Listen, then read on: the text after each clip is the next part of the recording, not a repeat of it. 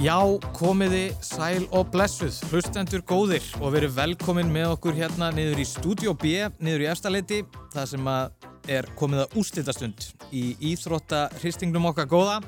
Þetta er svona spurningaþáttur rásæðarnar heilarhistingur, við erum í Íþrótta útgáðu í gangi og þessa vestunumannahelgina ætlum að leiða það til leikta hvert er hlut skarpasta liðið uh, þegar kemur að Íþróttum, allt millir himmis og hérðar. Allt millir himmis og hérðar og, og núna í dag er dagurinn, eins og maður segir. Já, Núna ráðast úslitinn tvö ótrúlega ólsegli að mætast hérna og ég eiginlega get ekki beðið. Sko. Já, heldur betur, þetta verður mjög spennandi. Já, þetta er okkar sjönda keppni. Mm. Uh, við erum búin að fara, þetta er búin að vera mikið ferðalag, Kristjana. Gríðalegt, gríðalegt ferðalag. Og... Við erum búin að koma viða við já. í, í íþróttasögunni. Já, frábærar framistöður mm. mörgum liðum hérna. Já. Þetta er búin að vera svo skemmtilegt. Búin skemmtilegt sumar auðvitað, mikið íþróttasumar. Já olimpíuleikandir hann á hápunkti sínum mm -hmm. það er einhvern veginn allt í gangi Allt í gangi og, og hérna, já eins og segir það er bara, við erum búin að fá fókbóltan og við erum búin að fá NBA og það er Evropamestra mótið og olimpíuleikar og við erum bara rétt að byrja svo er bara Paralympics og svo erum við komin í undankernina og lögadagsvelli og þetta já. er bara þetta tekur engan endi Þetta tekur engan, engan endi, endi. Og, en þessi keppni mun hins að taka endi í dag því að hér mætast í úrslitum eins og áður sagði, tvö frábær lið mér á hægri hönd hér í Studio B lið Íþróttafréttamanna Tómas Þór Þórðarsson og Þorkell Gunnar Sigurbjörnsson. Uh, Verðið velkonir Takk fyrir ekki alveg Hvað segir þið okkur í dag? Það er úrslitin. Já, bara mjög spenntir. Já, reyngilega, svo sem ekkit minna en við byggust við.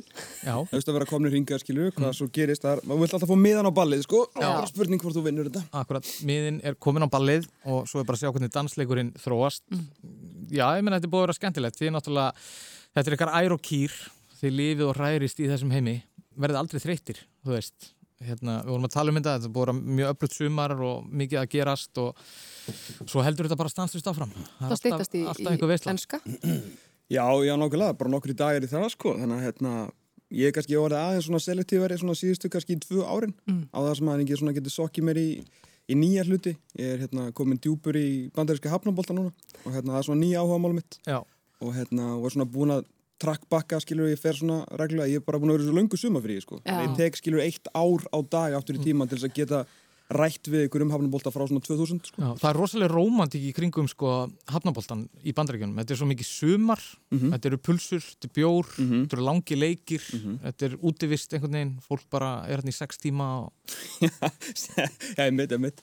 Þannig að, hérna, já, ég, hérna, Þorkell náttúrulega kannski svona er á aðeins svona víðar í grundvelli ennþá Ég er svona ferskastur að fylgjast með íþróttum þegar ég er í fríi sko. Já, þegar þú veist frí er orðið meira enn tveir dagar sko. Já, já, já, já. Þegar er orðið svona kannski í vika, tíu dagar, tvær vikur eða eitthvað þá er ég svona ferskastur að fylgjast með sko. Já sko, Íþróttafrætta fólk hérna rúf, því þurfa að valda marga reyti, þið farið við það Já, en þú ert samt á vaktinn til að missa af öllu sem er í gangi sko. Já, það er eiginlega Þannig að ef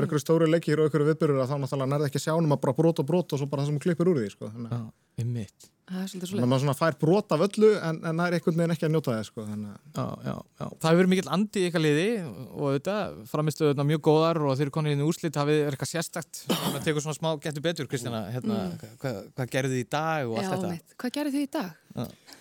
Ég vaknaði og fekk mér rökkbröð og hérna horfiði á uh, hælandinu og hafnbóltarum frá því nótt mm. og síðan bara komið hinga, sko. Okay. Ég er náttúrulega í Tókjó þannig að ég er bara, bara búin að vera þar á fullu sko. Já, það er búin að nóg að gera. Já, Já. heldur betur. Akkurat. Þorkill er hérna á Zoom. Já. Það er náttúrulega svo gaman við, við Tókjó í ára að hérna, þið eru búin að vera með hald úti smá hlaðavarpi frá Tókjó. Ak akkurat. Nákvæmlega. Þetta er frábæri tenging, já, og anstæðingar íþróttafrættamanna. Meistarinn og doktorinn, hvað segir þið gott? Stefán Pálsson og Hjörvar Háleðarsson. Ég verður nú ekkit anstæðingar íþróttaréttamanna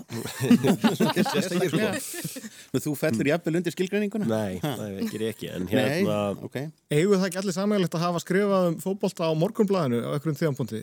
Líklega allir á sikkurum tímanu Jó, ég held að Jú, ég, ég líka, ég vann þar í tvö ár. Það er þráðurinn mm. Það er mitt Það er, það er mjög gott info hérna. Mm. Já. Já, Jó, við erum mjög kátir Allir höfum við gefið M. Allir hafið gefið M? Mm.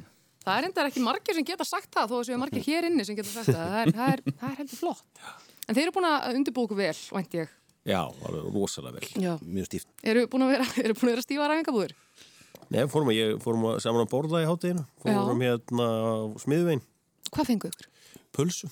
Þið fenguðu ykkur pulsu. Var það bæjarins? Já, Já. þannig að við svona allavega það var, það var hópeflið í okkar, okkar, okkar liði. Já, hann sér þið, þetta er stemningin sko. Þetta er stemningin sem að leita. Það er rökkbröður meginn, Já. en það eru pulsunar hérna meginn. Heldur betur. Jóhann, Já, hvað stendur þú í þessu?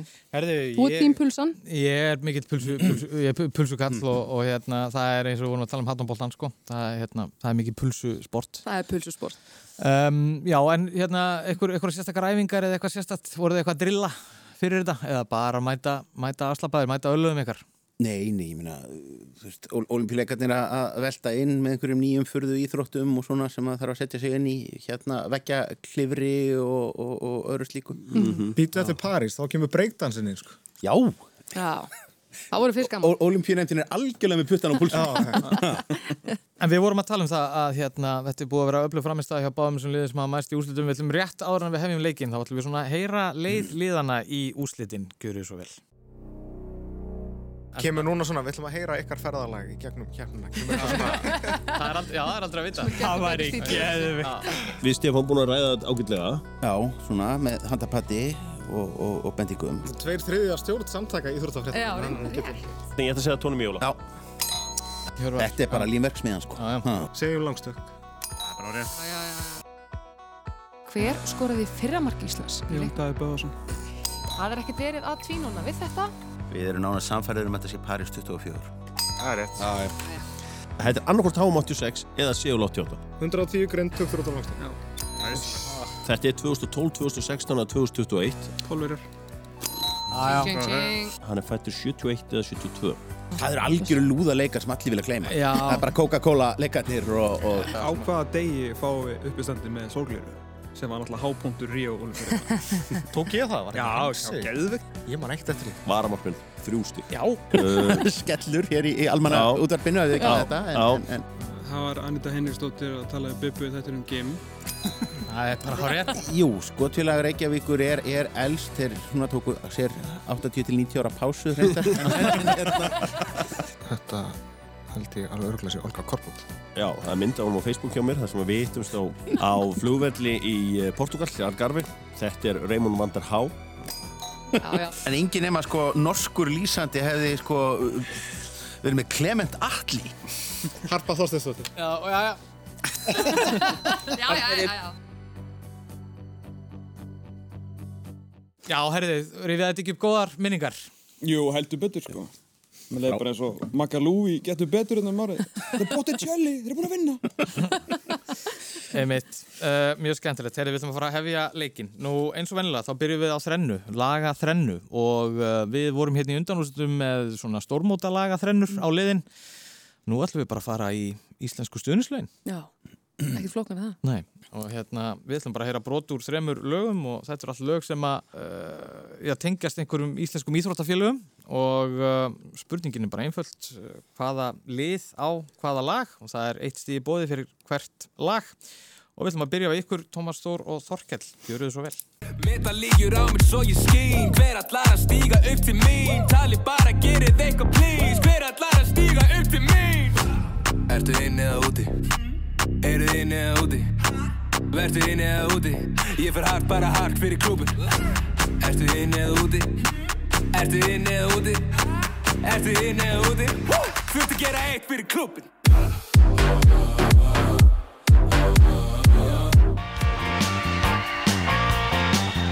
Ekki lengur lítið fugg, ekki lengur þetta rugg Hinir fá að svitna í dag Við tökum hvaða lið sem er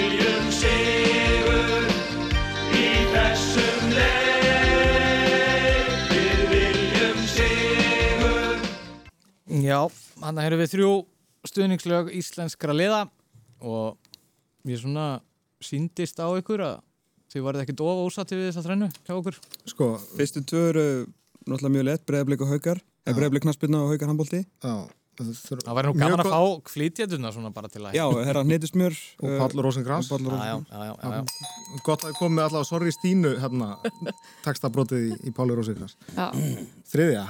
Ég ætla ekki að ljóða, ég hef aldrei heyrt þetta æfinni. Nei, en þú veist hvað, þú veist hvaða fílingur, þetta er ekkert vikingslag, þetta er aldrei hljómaði vikinni, þetta er ekkert svoleiðis. Nei, við hefum mjög fálög. Sko, skæin er held ég bara með rakara kvartetin, sko. Sko skæin á lúmst fleiri lög, það er bara þau tína svolítið í hérna skama skoruðu mörkin. En væru þeir ekki miklu meira ykkur svona, þú veist, að fara yfir söguna hvað eru búin að vinna mikið. Þetta er var ekki hérna, aðal Keflavíkulæði, sko. Ég var bara einhvern veginn á ykkar heimavalli, sko, en kannski Nei, fram á fullt af lögum, ég hef ekki heyrt þetta, sko. 90s valur, 80s valur. Eitthvað, ég veit ekki, ég hef ekki hugmyndið það, sko. Það segja kemlaði eitthvað. Þetta er náttúrulega ekki aðal Keflavíkulæði, sko. Nei, nei. Það er, já, ok, skjótum á það. Keflavík.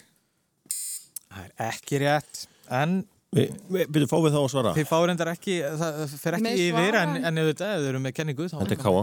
Já, þetta er káa. sko. Það var lagið Áfram Káamenn, flutt af Karli Örvarsinni. uh, það eru tvö stygg, uh, eiga síður, vel gert og við bara höldum áfram og það er komið að Hjörvari og Stefáni, þið fáið ykkar þrjú lög hér. Að sparka fólk í mótherjan Rífa kjátt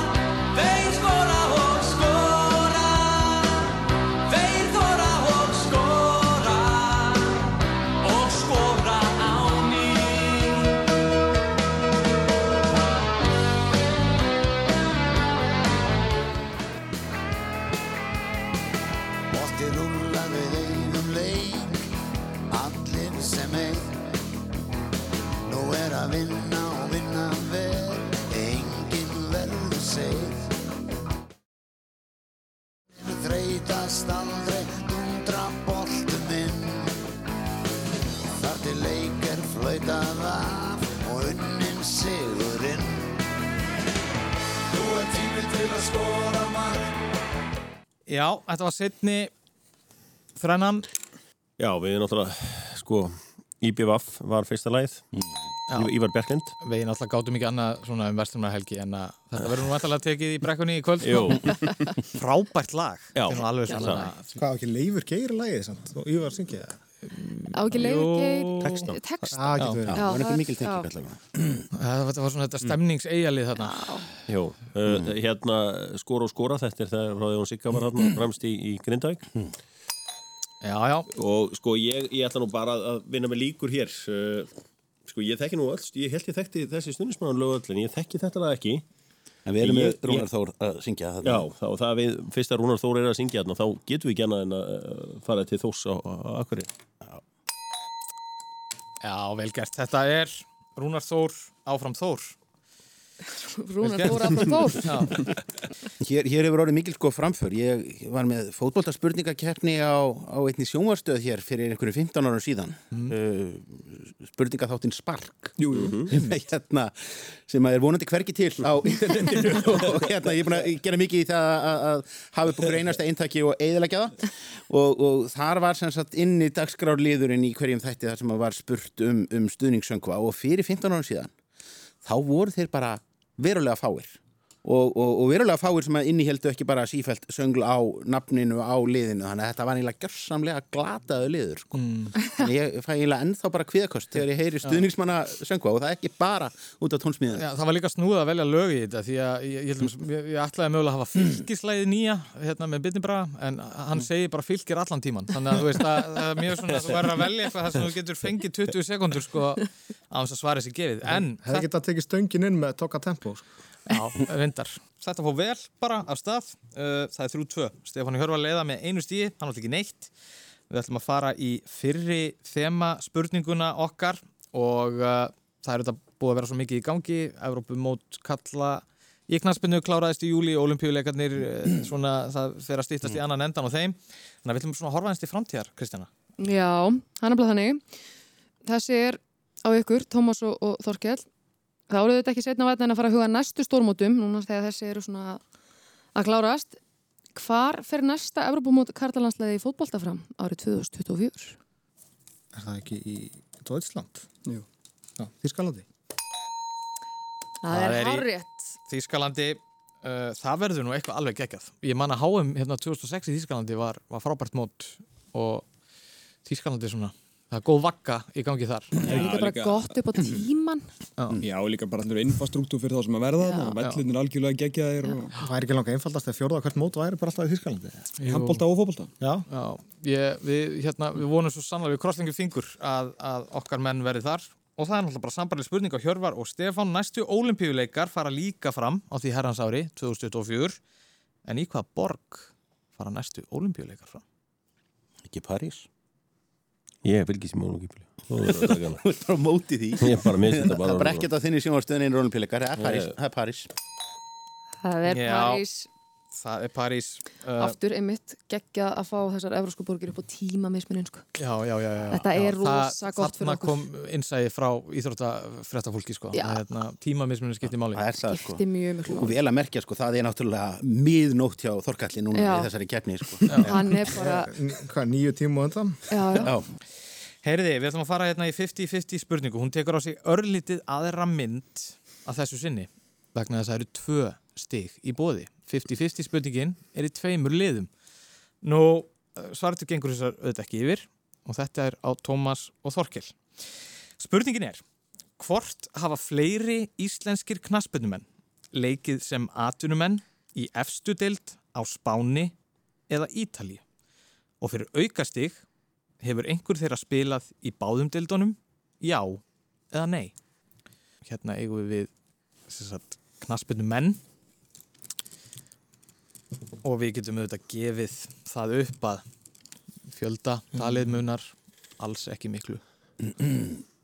Hann ekki leik. Ekki að held ég. Ok. Hvað er komið? 20. Við ætlum allan að segja að Fleiri hafi spilað Íla líka, og nei, það var engi spilað í báðum. Þetta er svona hárrétt. Tvö stig.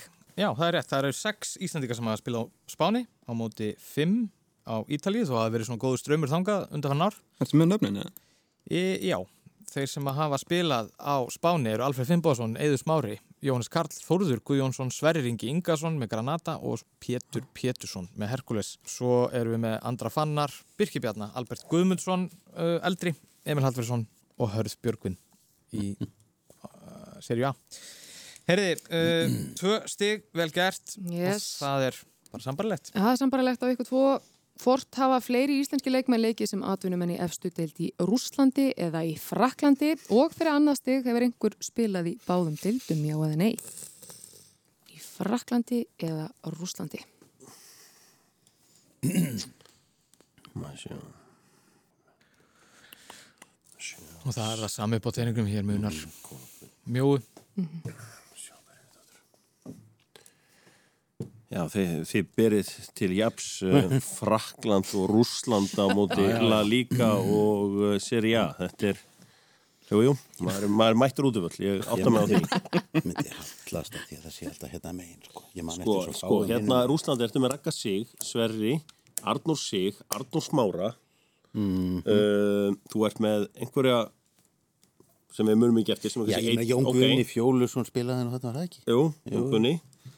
Ok, Jón Guðni, ok, í hérna Fraklandi, þú ert með Albert Gamla Guðmundsson, þú ert með. Teit Þórðarsson, Já, þú ert með Veigar Pál, þú ert með Eðsmára, Alex Rúnar. Þú ert með, já, Arnur Guðjónsson Rúnar Alex, já, já Arnur Guðmundsson var náttúrulega í Bordeaux, Var líka- Þórðar hérna líka? Ha, Karl hann með? Laval, Já, var ekki, já já, en þú veist, sko, Rúsland er náttúrulega svo nýtt, þannig að, Tómas Stór bankar hérna óliðin, klukkan, klukkan. já, þú veist, við að skjóta á frakkana og segja þessi enginn sem hafa verið að báða Já, hver geti að vera á báðastum? Ég- ekki er engin- ekki. Smárasson Nei, og hann er nei. Þeir voru nokkrir hérna hjá, hjá þeim á sínum tíma. Erum við kannski að fara að vera fleiri rúsa? 1, 2, 3, 4, 5, 6, 7 rússar 2, 3, 4, 5, 6, 7 hérna Það er þó líklega að við séum að gleyma einhverjum rúsaði viðbót einhverjum krassnótar rúsa í viðbútt er, er, Erum við á kólaskagasvæðinu? Datti? Ég, sko Nú verðið að fara að Já, koma með já, já, kokteil. dem, dempum okkur á rúsana og, og segjum að sé enginn sem hafa verið að báða sko. Já. Ekki, já Rúsland og enginn á báðan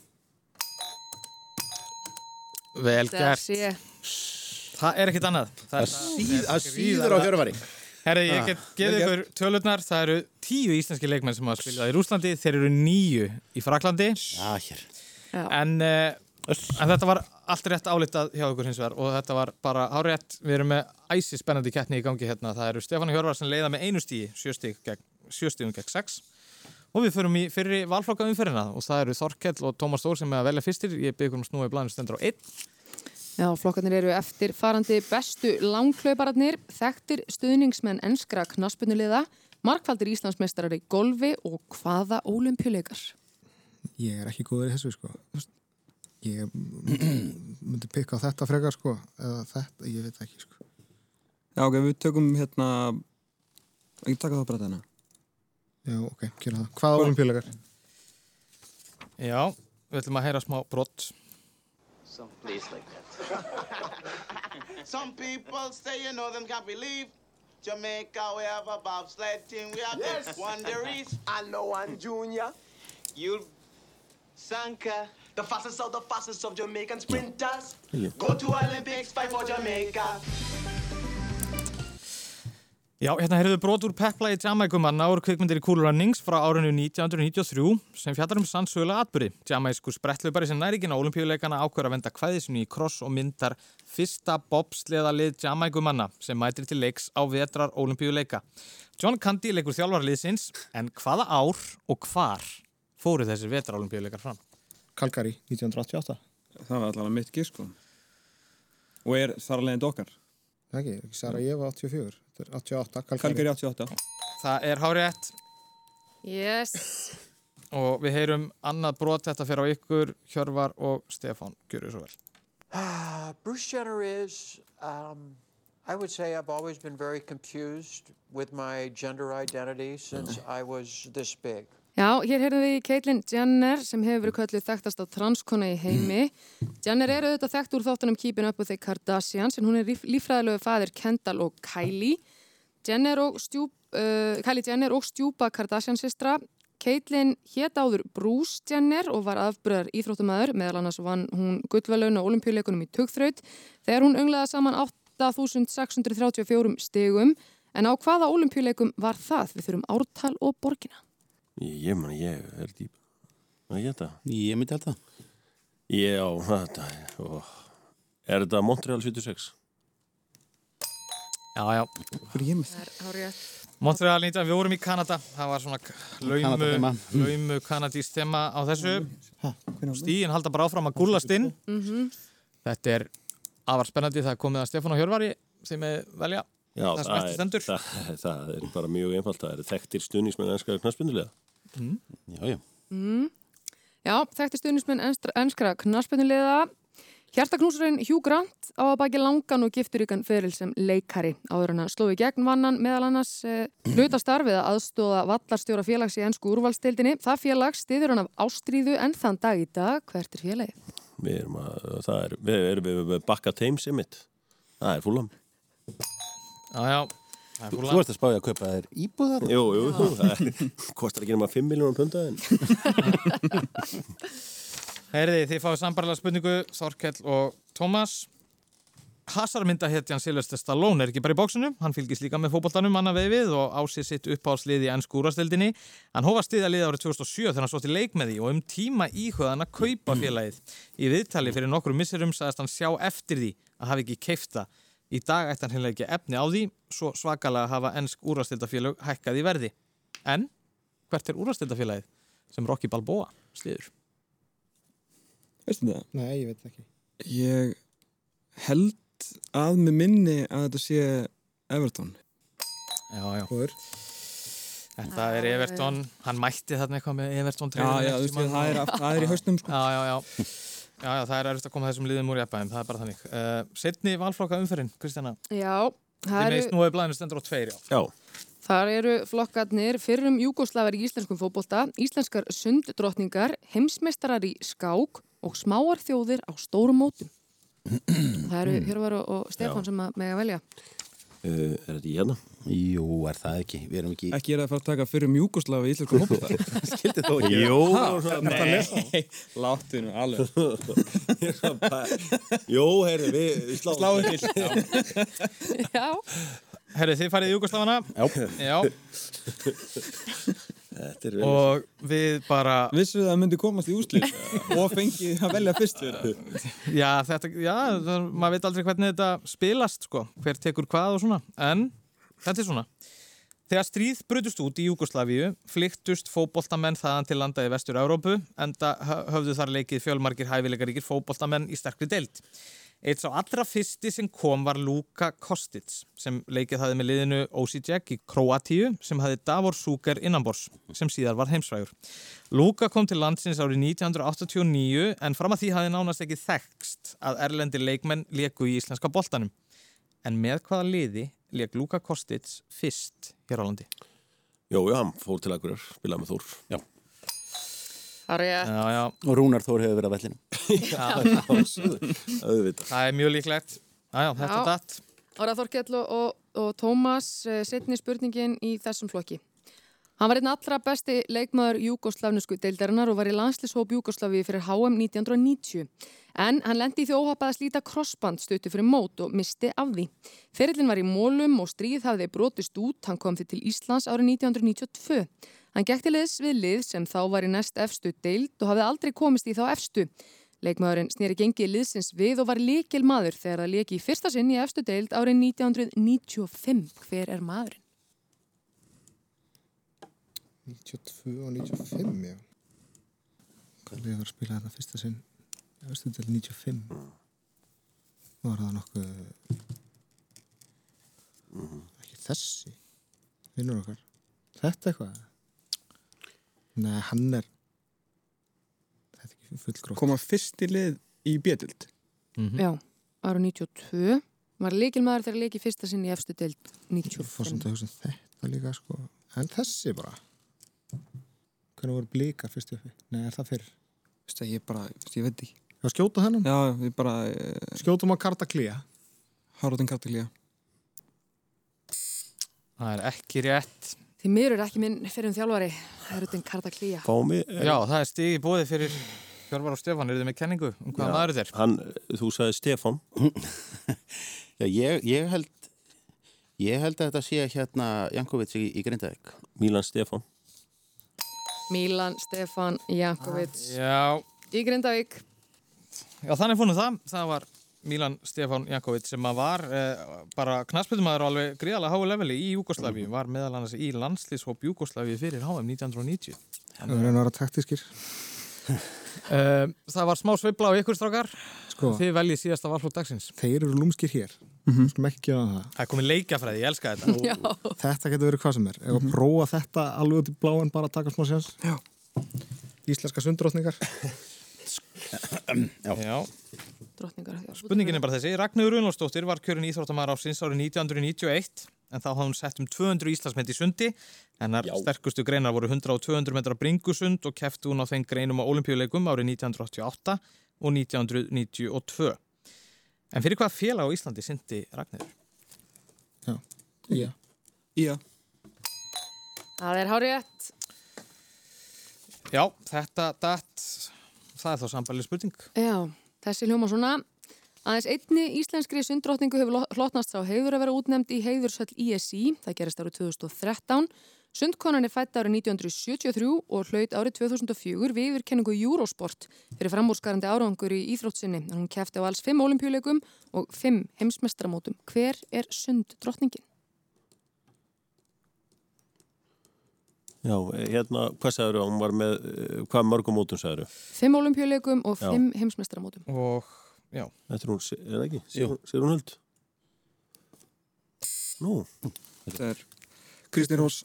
Hákonardóttir. Já. Þetta er Kristín Já, Rós. Kristín Rós. Hákonardóttir. Þetta var virkilega vel spilað hjá þeim, ég var að gefa þeim það. Já, herði, leikjafræðin. Leikjafræðin er að virka upp á tíu. Leikjafræðin er að virka upp á tíu. Þetta er Kristín Rós Hákonardóttir. En, og við auðvitað sleftum því að minnast á það að Kristín Rós á auðvitað, ég veit ekki hvað mörg heimsmet sem hún setti. Já, já. Í, hérna. Alveg ótrúlega. Hvernig er staðan? Náðu ekki að mikla þetta eitthvað aðeins niður? Það mun að stíja okkur. Það mun að stíi, Ah, ok. það mun að stíi, það er bara aftur allt orðið, það er í raun bara lagaþrennan sem að skilur að, það er, það er eina stíð og, og hérna, og já, valflokkunum er þá bara lokið og við ætlum að fara að henda okkur í smá þrýþraut áður en við förum í auglýsingar og við ætlum að byggja um þrjú atriði og uh, þið getið velt þessu fyrir okkur í auglýsingarlínu.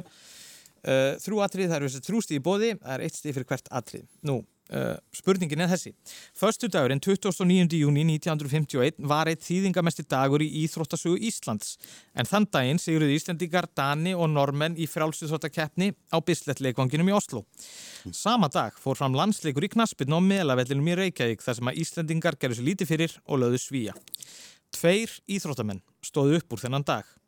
Annar þeirra sigraði í stangastökki og langstökki og hljóp síðasta sprettin með bóðsveit Íslendinga í Oslo sem kom fyrst í mark. Árið áður hafði hann orðið Európumistari í langstökki. Hinn þeirra skoraði öll mörg Íslands á melavellinum.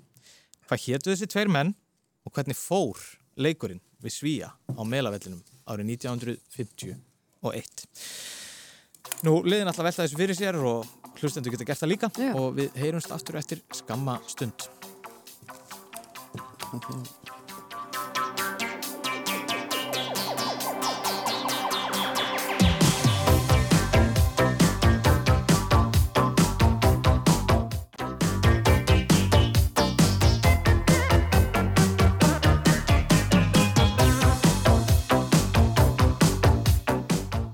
Já, velkomin með okkur aftur hlustendur góður hérna niður í Studio B í Erstaleiti þar sem að úrslita keppnin í Íþróttahristingnum er í fullum gangi. Já, það er rafmögnu spenna. Uh, við vorum að fara í þrýþraut hérna áðan. Uh, liðin sem mætast, það eru lið Íþróttafrættamanna, Þorkett Gunnar Sigurbjörnsson og Tómas Þór Þórásson. Mæta liði Hjörvars Hafleðarssonar og Stefáns Pálssonar, masterinn og doktorinn. Já, og þegar við vorum að fara í þrýþrutina þá var staðan 14-13, masternum og doktornum í vil. Já, og við, uh, já, við fórum svona í íslenska íþróttasögu, einhver fræknasti dagur, eitthvað fræknasta afreg í íslenska íþróttasögu, það er 29. júni 1951, þegar við unnum sví á melavellinum og unnum líka Dæn og Normen í frálsvöldakeppni á Bislett leikvanginum. Nú, við vildum bara vita hvernig fór leikurum við svíja, hver skoraði öll mörkin gegn svíjum og hver var þessi leikil maður í frálsvöldakeppninni sem að uh, vann stangastökki, langstökkið og hljóp síðasta sprettin með bóðsveit Íslandingana. Nú, Íþróttafréttamenn segja Ríkarur Jónsson, fjöðuþrú fyrir Íslandi og Torfi Bryngersson. Nú, uh, masterinn og doktorinn segja líka Ríkarur Jónsson, fjöðuþrú, en þeir segja hins var Haugur Klásen. Torfi Bryngersson er rétt svar. Þetta þýðir Það- hins vegar. Þetta þýðir það hins vegar að við erum með jafna keppni. Já. Og Það er uh, allt frábært. í BM. Staðan er 16. 16 heyrum aðeins í Ríkardi Jónssoni lýsa þessum degi. Þegar þú, ert hérna startur og, og, og þegar þennan bolta eru þá ekki ljúar minningar? Jó, raunverulega sko, jú, jú, vissulega, mjög, mjög ljúðar. Og ég hérna, þetta er eina skipti sem ég hef verið búinn á gullstól. Eina skipti? Já, en hann var náttúrulega ránskakkur. Já, og þarna var Ríkardur að fara yfir hennar magnaða dag og hann skoraði vist 5, var ekki? Var ekki eitt dæmt á honum? Ég heyrði söguna þannig að mammans hafi sko um morgunin sagt, ég held þú skorir 5 í dag. Mm. Og hérna, og svo hafa hann farið og skorað og fimmta sko- hafi verið dæmt af. Það var tóka. Þetta var var náttúrulega, það var náttúrulega vináttuleikur og það var íslensku dómari og hérna Ríkaru held ég alltaf fram að íslenski dómarin hafði ekki viljað vera svona vondur í svíjan að gefa fymta marki sko. Ég, ég held við höfum farið lengra samt á þessari tæknilegu glöfu sem að var í gildi á þessum tíma að, að malarvellir voru löglegir. Tæknilega séð í alþjóða fútbolta Það er rosalegt í hérna, heimildamöndinni Blikkið sem að ég held að allir ætti að reyna að útvega sér eða, eða rúfa sína hérna, þá er Bjarni Fel að tala um hennar dag. Og segir þetta sé bara dagurinn þar sem við í raun og veru hættum að vera lítil sko. að, Já. að tala um hvað við vorum rosalega hérna, svona lítil í okkur gegn dönum og svona og þetta, hérna, við höfum verið bara í miðjum klíðum að fagna seirunum þegar að vallathulurinn á melavellinum kallarskilur við erum líka búin að vinna þetta mót og bara það var svona stór dagur mm. þjóðin sko. Já. Akkurat. Þetta Við þurftum þetta á þessum tíma. var magnað og uh, þetta er spennandi, við viljum fara í setni hlutan og eins og áður sagði, keppnin er í játnum staðan er 16-16, við viljum að vera með aðra þema spurningu hérna uh, svarið fyrir ekki yfir þannig að við viljum bara aðeins að velta að því við erum komin í íslensk afreg þá ætlum við að fara í íslensk heimsmet nú, okkur fannst svolítið áhugavert að í júnilók þá bættu hjónin Albert Ólason og Sveinbjörg Rósa Sumaliðadóttir heimsmet í paraflokki 50 ára eldri í bókfimi en Íslandikar hafa nefnilega ekkert oft slegið heimsmet, Kristjana Nei, Þannig að það er kannski einhver vegi að heyra aðeins þau íslensku heimsmet sem að þó hafa einhver tíman fallið. fallið. Já, algjörlega.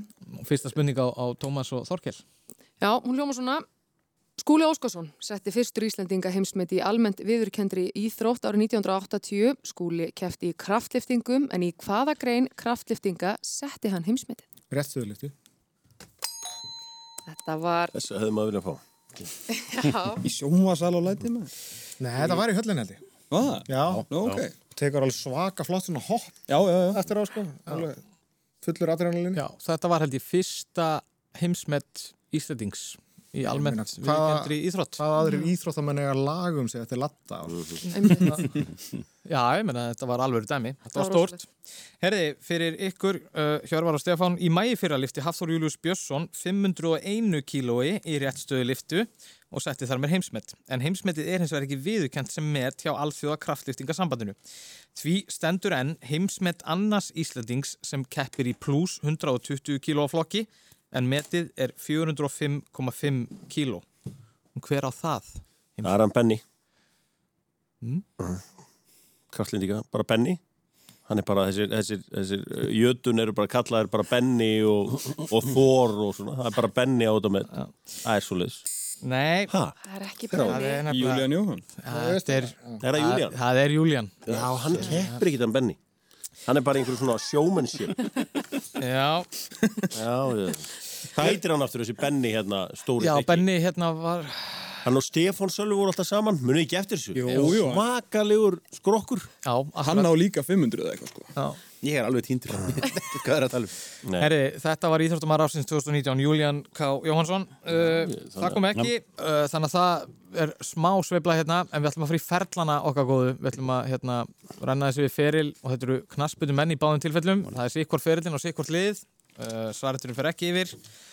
Nú, Þorkell og Tómas, við erum hérna með leikmann sem að er með afar langan feril, en við ætlum svona fara á hraðbergi yfir það helsta. Nú hann hóf feril sinn hjá Vasco de Gama í Brasilíu, fer á Lándi Gremio, spila með Porto í Portugal, Galatasaray í Tyrklandi, Sporting í Portugal, Bolton Wanderers, Newell Old Boys í Argentínu og svo fer hann til Goiás og Beira Mar, fer til Ástralíu, Newcastle Jets, Flamengo og endar fyrir sinn í Rio Negro árið 2011. Þetta er mikill, þetta er, þetta er svona eins mikill journeyman ferill og Það kemst falla á eina blaðsju.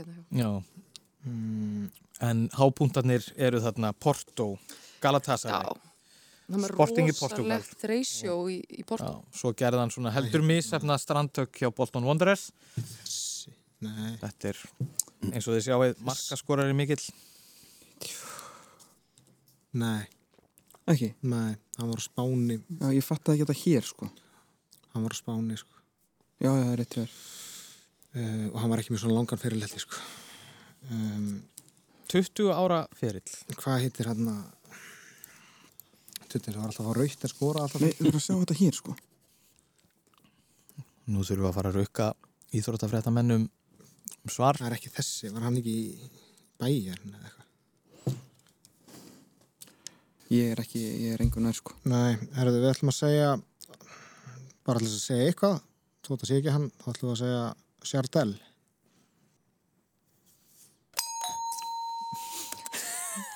What? Ok. Uh, þetta var Mario Sjardell. Það var vel gert. Já, já, ég... Voruð þið, sett búin að útiloka hann á einhverju stíði málsins? Nei, ég var búin að skrifa niður, sko. Hann er hérna sko. Ég myndi bara ekki fornafnið, sko. Já. Ég tengdi hann veginn bæjan munn hérna, ég veit ekki hvað ég var að tengja þar við, sko. Nei. Það var svo Hann er ekkit ólíkur elber í útliti. Nei, en ég man samt ekki ennþá, Gauri sem vorum að tala um aðan, ég man samt ekki hvað hann heitir, sko. Þetta var... Herðu, þetta, var, fullinn, sko. þetta var magnað. Uh, já, herri, það er bara sambalið spurning. Já, Stefán Hjörvar, þetta er ferillin, hann hefst ára 81 með Asante Kotoko og svo fer hann til Cornerstones Kumasi, Oahu United, Saarbrücken, Eintracht Frankfurt, Leeds United, Hamburger, SVF og Al-Ittihad og líkur ferli árið 2002. Já, þetta er Tóni Jöbóa. Þetta er Tóni Eboa, Já, já. það er ekkert verið að flækja þetta neitt. Ég held að hérna, hann sagt, vissi aldrei hversu gammal hann væri. Þannig ég held að kennitalan sé 06, 06, 66, ja, 01, 06, hann var bara eitthvað gisk held ég. Hann hefur viðkjöndum. Já, mikið lettsend hjá Leeds.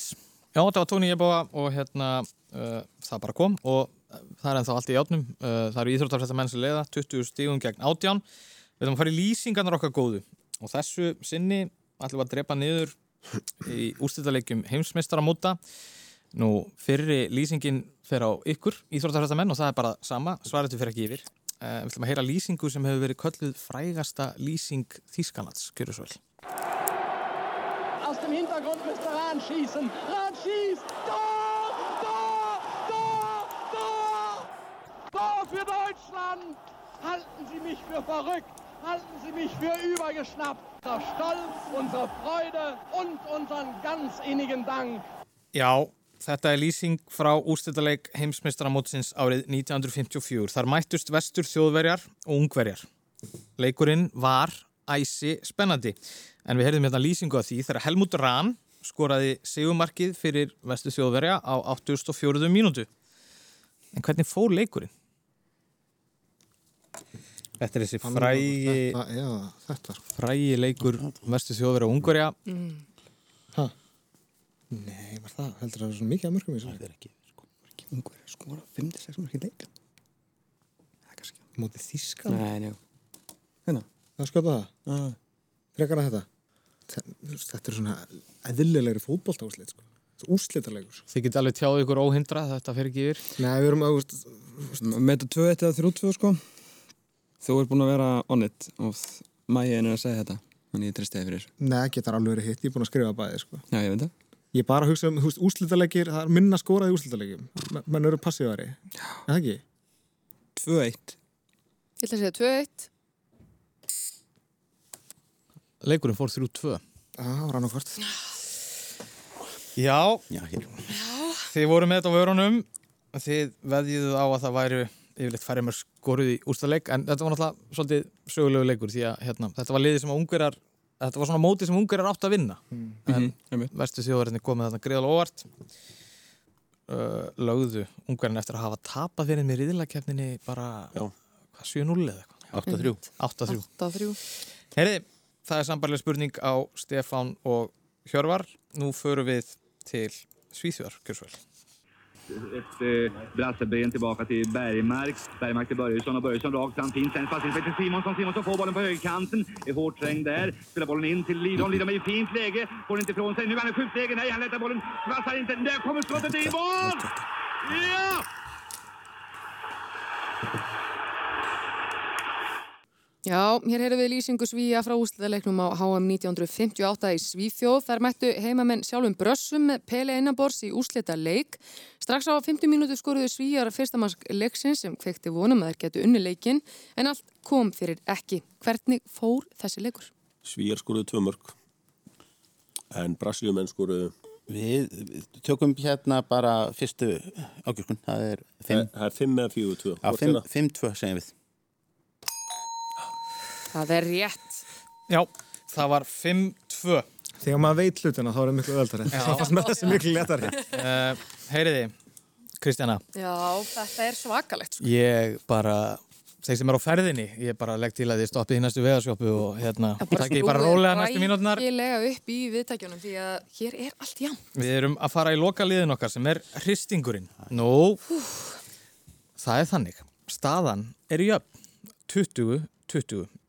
Og nú er raun og veru leikjafræðin Já. uh, í algjörlimingi, sko. Nú er leikjafræðin í algleimingi en það er nefnilega komið upp svolítið óvænt móment hérna í þessari keppni sem er það að yfirleitt látu við sko liði sem er undir byrja hristingin en nú er þetta jafnt á öllum tölum þannig að ég held að við bara uh, höldum okkar venjulega hérna, striki sem er þá bara liði sem að byrjaði hér í dag sem eru íþróttafrættamenn, Þorkjell og Tómas þeim er að velja í- uppkast. í hristingnum Það er þetta væri svolítið stemning ná uppkasti en, en ég hugsa úr þessu þá er það bara Þorkell og Tómas sem að ríða á vaðið í hristingnum. Nú hristingurinn er bara þannig að þið snúið blaðið sem stendur á þrýr. Þar eh, finnið þið fjögur þemu, fjóra spurningaflokka og það má velja spurningu úr flokkonum fjórum fyrir annarkvort 1, 2 eða 3 stig. Nú einstig spurningin þykir svona léttust, svo kemur tveggjastega spurning sem er aðeins þingri og þingsta spurningin gefur þrjú stig. Nú, og það veldur bara á því hvaða áhættu liðin vilja taka, hvernig þeim líst á flokkana og svo framvegis og þetta verður held ég mjög áhugavert. Nú, Kristjana, flokkarnir í hristingnum? Já, flokkarnir í hristingnum eru eftirfærandi. Það eru eftirminnilega innvíi íslenskra félagsliða í Evrópukeppnum, útlendingar í íslenskum handbolta, spútniklið og fyrrum heimavellir. Og uh, það er eftir sem áður þannig í hristingnum að ef að lið flaskar á spurningunum sinni þá getur anstæðingurinn stólið einu stíi. Já. Þorkell og Tómas Sko, við erum ekki að fara að byrja á þristi. Ekki? Jaha. Bara byrja þar og setja pressu. Í vestafelli töpuð spurningi kefni á rúf og um helgi sko, það verður ekki verra sko. En þú veist, ef við gerum að halda spennun í þessu eða? Viltu byrja á því bara og setja að gefa tónin eða? Ég var svona að hugsa það sko. En hvað, allavega byrja veldu flokk sér list á? Mér langar svolítið Já, hennar. ég veit alltaf þú sko. En akkurat núna það manni ekki eftir nennu sko. Nei, það er spurningin ekki komin sko. Nei, ok. Já. Ef að færi það, fyrir hvað? Það fara fyrir þrjú. Það er mjög steikt að byrja þannig, en já, ok, gera það. Útlendingar í íslenskum handbólta fyrir þrjú steg. Já. Hvað segir við? Kristján, Ok, það er þristurinn, útlendingar í íslenskum handbólta. Ég bara hættum að þetta er alltaf þungt, sko. Viltu að fara í tuga? Nei, nei, það er við erum búin að læsa þessu. Þetta er læst. Nú? Nei, við bara erum búin að skipta spurningunum mill okkar. Já, ég leifum þetta. Ok, spurningi hljóma svona. Hann átti gifturíkan feril sem handknallegsmaður, er frá Grænlandi og var eitt þeirra sterkasti handknallegsmaður um árabil. Leik meðal annars fyrir þeirra hönd á heimsmestaramótum. Hann er næst markaðistir leikmaður grænlenska landsleisins en hóferilsinn utan Grænlands hér á Íslandi þar sem hann leik með F-áingum um miðbygg tíunda áratörins áður en hann held til Austuríkis, Danmörkur, Þýskalands og Svíþjóðar að spila. Það vakti aðtikli þegar hann spilaði hér á landi að hann er náfrændi fyrsta fósættisráðara grænlendinga sem er mitt átti í íslenskan maka. En hvað hétt þessi leikmaður FH? Og staðan hér í stúdíu B er þannig að Þorkell Gunnar grefur andlitið í höndum sér Og ég, ég er bara fullur eðrun. en sko þetta ringir nú einhverjum bjöllum sínist mér Nei, Eina, eina grænlenska nafni sem að ég bara veit, held ég, þessi Motsfeld eða eitthvað álíka, sko. Það var einhver, einhver landstjóri eða eitthvað, eða var hann í færiðum? Ég, ég, heyrti þetta, sko, en ég, ég, Ég man ekki, hann heitir samt, heitir hann ekki bara eitthvað svona frekar íslensku nafni bara? Ég held ég bara ofmyndið gæði okkar aðeins sko. Já. Ég ætla að svoleiðis að setja tónin og setja þá og raskati hérna strax sko. Já, herru, Motsfeld. Þú ert ótrúlega sko. Hans. Þú ert svinn. Ég er að segja þetta sko. Ég, ég reyndar tengdi þetta við, sko, hérna, þetta var eitthvað landstjóri eða ríkistjóri eða eitthvað sem hétt líklega Motsfeld. Sko, Þeir eru bara í að svekja okkur, þessi, þessi menn hér. hérna, Liðið okkar heitir núna bara Þorkell og félagar. við leið, sko svo grunn dvallaregla og Stefán getur nú kannski staðfesta, gildir í spurningakjarnum að, að, að eftirnöfn ellendra Já. manneskja duga Yes. Nema maður setja ránt fornafn með, sko. Já, Já. nákvæmlega. þetta. Ég- Já, þetta var, þetta var góð svona spurningakjarnis leikafræði eh, sko, þetta var hann Hans Petur Mótsfeld Yes. Frendi hans var Jonathan. Mótsfeld. þannig að þá leiða íþróttafrættamenn með þremur stigum Sko, það stendur eftirminnilega innvíi íslenska félagslega í árukjörnum. Við erum að tala um fótbolta, eða ekki?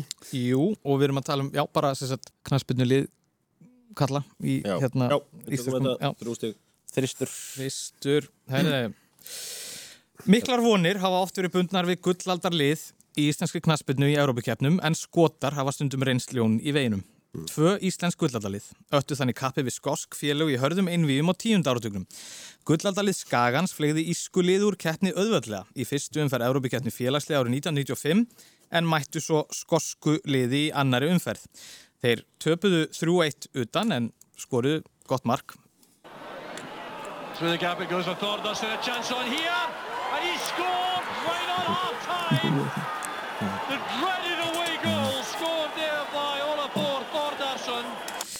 En þeir unnu heimaleikin aðeins 1-0 þar sem þeir óðu í færum en náðu ekki öðru marki og duttu svekkjandi út. Það sama verið á teiningurum hjá gullaldaliði K.R. sumari fræga 1999. Þeir mættu líka skosku liði í fyrstu umferð, unnu heimaleikin 1-0 en það gerur skotanir líka úti. Leikurinn fór því í framlíkingu þar sem K.R.inga fengi á sig afarsvekkjandi sigumark og voru úr leik. En hvaða skosku lið reyndust íslensku gullaldaliðunum fjöturum fót? Já, það var hérna Reith Rowes 95 og Kilmarnock 99.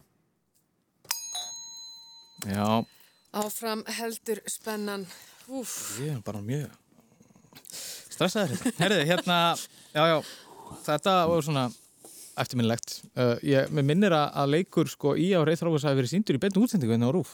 Það var það mikil stemning Mm. fyrir þessu sko að það var bara... Var það eftir þannleik sem við keiptu hattana hann Já. síðan og... Nei, var ekki til að auglýsa þann leik sem að þeir uh, tóka móti Íslandsmeistaratitlinu með einhverja skoska húfur og Ah, ok, rauðar ah. hárkollur. Herriði, íþróttafréttamenn, hvað viljið þið gera? Sko, við þurfum ekkert að vera í þrist. Nei, nei. Það er rétt. Menn, það er bara tveir þristar eftir og við eigum alltaf annað pikk, sko. Mhm. Og taka tvist í ykkur núna. Já. Hvað bjöðar?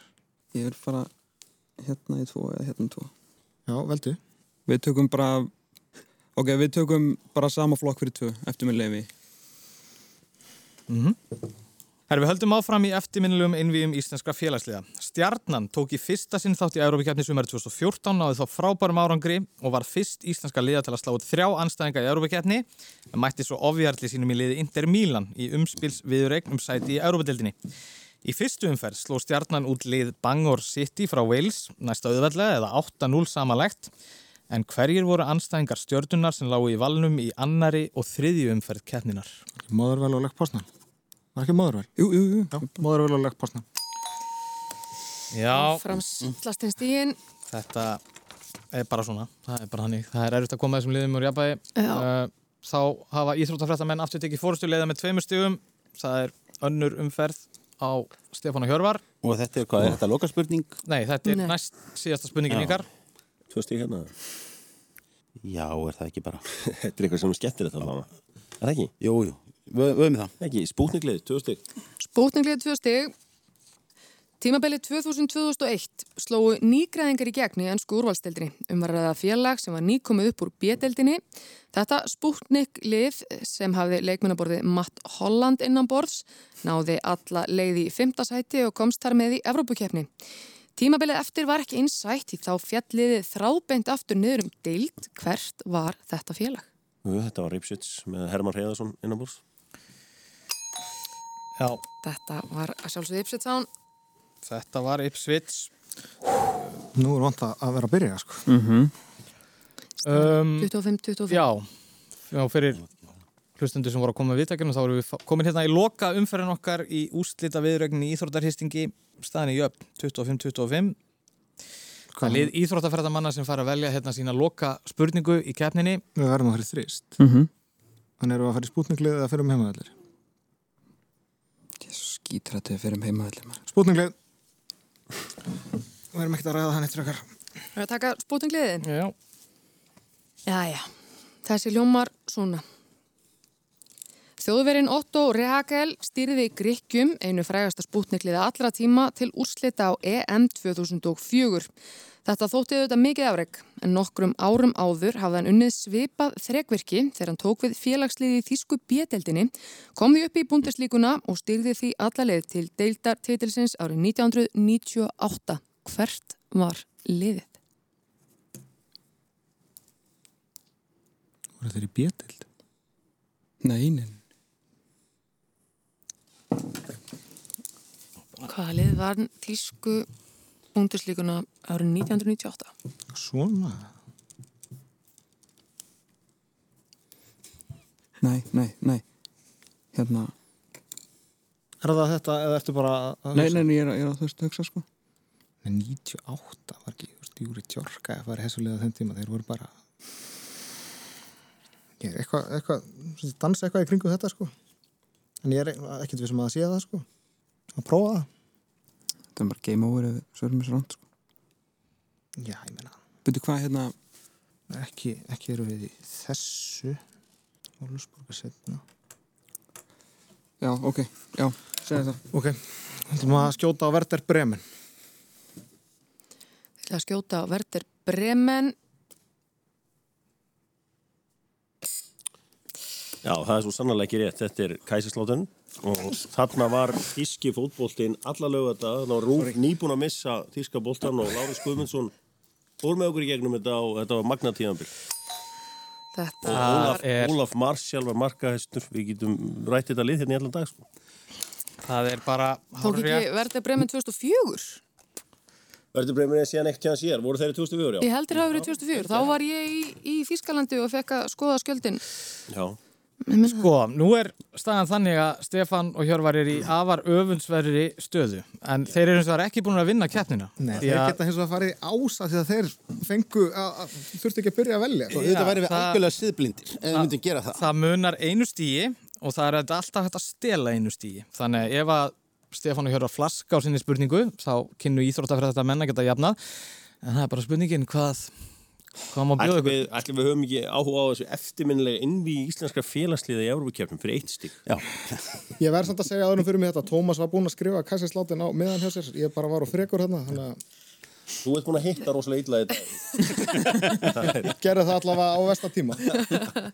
Já, herrið, það er eftirminnilega einví fyrir Meiga er taka eitt. Já, ég meina Þetta er leikjafræðin eins og kendur okkur. Já, ég meina það var aldrei kastað peningi hérna þegar að staðan var jöfn. Já, já. Er það.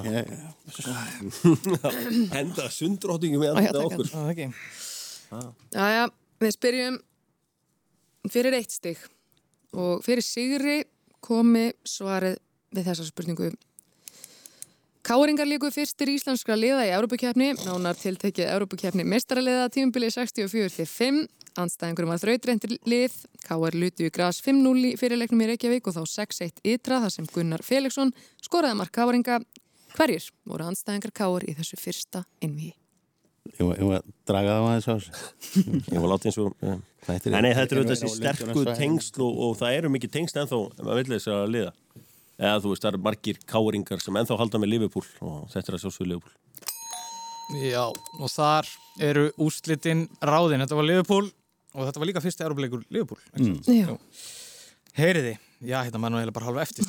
Uh, hér var að ljúka alveg svakalegri keppni uh, og þessi úrslitakeppni hafði allt. Gjössanlega. Uh, fyrst og fremst var náttúrulega mjög mörgum spurningum svarað Já. en það voru svona örfáar sem var ekki svarað og þá sviblaðist fórskotið aðeins á milliliðana og þetta reðst ekki fyrir hérna í loka umferðinni en þetta endar sér þannig að sigurvegarar í Íþróttarhistingi Rása 2 sem er 2021 eru Stefán Pálsson og Hjörvar Hafleðarsson Masterinn og doktorinn. Til hamingju. 20, 27 stig gegn 25 stigum Vi, Íþróttafréttamanna við erum að keppa við svona hérna alveg keppnismenn núna því að maður sér alveg að þeir eru ekki sáttir sko. Hinnir, hinnir hafa verið sko gladar en við eftir keppni sko. Já, það er enda rétt. Já, já. Er, manni, Þeir þeir eru að fara að rispa bílun okkar sko. Þetta er þetta. Já. Það er aðalega bara að rispa, dómarabílinn, sko. Spurningar val, sko. Þetta var, þetta var gaman þar til núna. Já, já, bara hérna þá alveg í lókin, já, blálókin En sko, frábært ferðalag ha? 25 stig, þú veist það, það er stutt á milli í þessu. Það er það. Ég, það, er, Já, það er bara, já, það, er, það er svo þrúandi þögnin að núna sko, gleði vinstra megin við okkur og ofbósli sorg hérna hæra megin. Já, þetta er bara íþrótta Þetta, Þetta er, bara, er veist, þetta, þetta er sko, þegar við vorum hérna með tónlistarhisting eða, eða einhver, sko Ég meina, þú veist, hér er enginn sátt um einhver háttvísi. Nei, sko. nei, hér er Þetta, sko keppniskapið það skín í gegn Já, það er ekkert ekki að brúðast að liðið. Já, Ný. en uh, þetta fór svona 27-25, þetta gat ekki verið jafnara Já, bara Stefán og Hjöra til hann ekki með Sigurinn Takk fyrir það Takk, takk Já, við náttúrulega bara minnum fólk að gangi, gangi hægt í gegnum gleðina dyr núna mestum helgina. Jú, bara í, já, bara í kvö- kvöld sem aðra daga og, Já. og hérna, við þökkum bara kella og Kristjana þakka þér kella fyrir Já, samfélgina í þessum með. Þetta er búið að vera alveg ótrúlega gaman Mhm. og hérna bara stórkvæmstætt, vonandi Já. getum við endur tekið þetta einhvern mann. Heldur betur. En já, við bara þökkum kellaði fyrir okkur, uh, óskum aftur Stefán og Hjörvari uh, til hamingju með Sigurinn, Þorkild og Tómas, takk kellaði fyrir frábæra þáttöku og við bara heyrumst síðar. Þeir sæl. Ég, Sorry, ég meina